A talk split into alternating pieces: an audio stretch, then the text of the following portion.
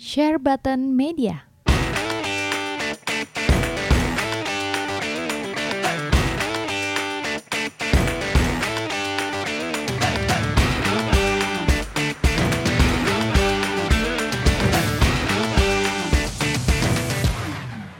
Hai guys, welcome back to our channel di Button Podcast Toys and Gaming. Kali ini gue akan ngomongin soal kelanjutan dari kemarin recommended seller. Kali ini gue ngomong eh, ngomongin sebagai recommended buyer dan apa keuntungannya sih jadi recommended buyer?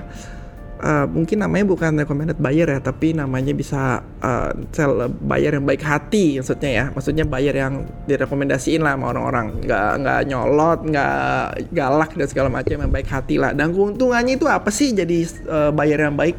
Oke, okay. uh, karena gue dulu pernah jadi seller, jadi gue bisa kasih tahu keuntungannya dan bagaimana pe, apa sih mata dari seller terhadap customer-customer pelanggan-pelanggan yang baik. Oke. Okay? Uh, berikut adalah tips dari gue menjadi buyer yang baik. Oke, okay.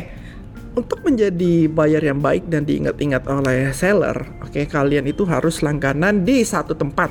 Maksudnya gimana? Maksudnya kalian beli kalau beli barang ya beli game contohnya di satu toko aja nggak usah banyak-banyak. Kenapa?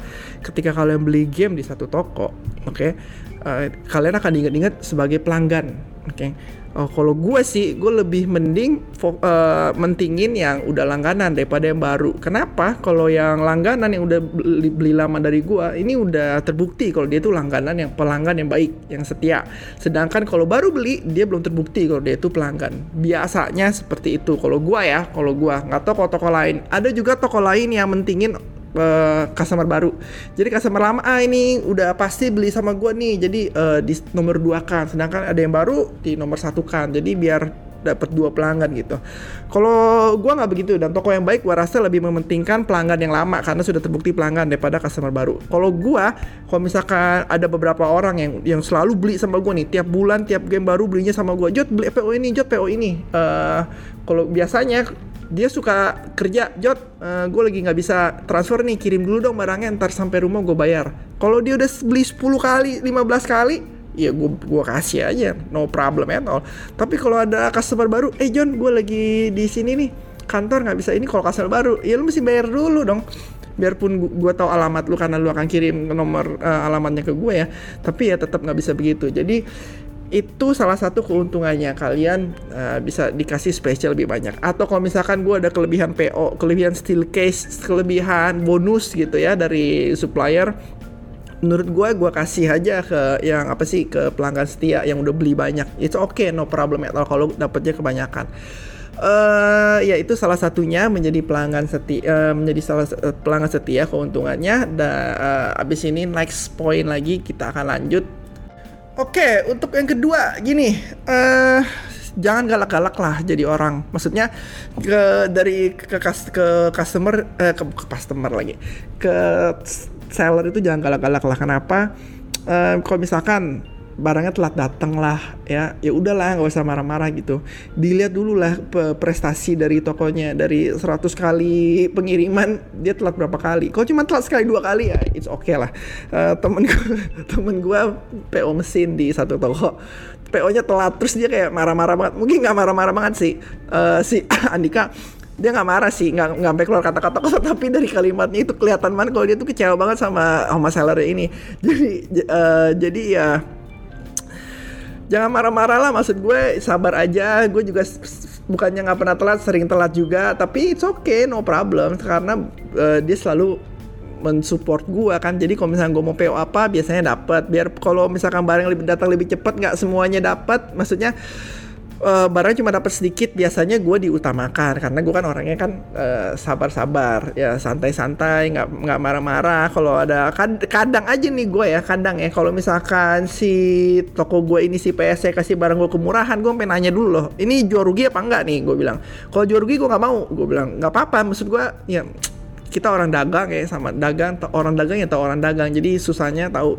Biasanya emang si ini demi menyamai apa sih harga sebelah biasanya ini toko si PSS selalu menurunkan harganya sampai sama gitu biarpun rugi gitu.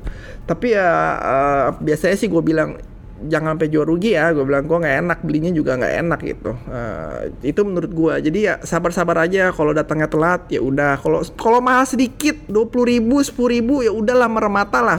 Di toko sebelah enam ratus ribu di toko uh, kita beli enam ratus sepuluh ribu ya udahlah meremata lah gitu. Kalau memang uh, cocok ya udahlah gitu. Cuma sepuluh ribu doang kok uh, harga BD 600 ribu cuma satu selisih satu persen kurang eh, satu dua persen doang ya it's okay lah. Kalau gue sih it's okay banget no not a problem at all. Kecuali kalau bedanya satu lima ratus ribu satu tujuh ratus ribu barang yang sama.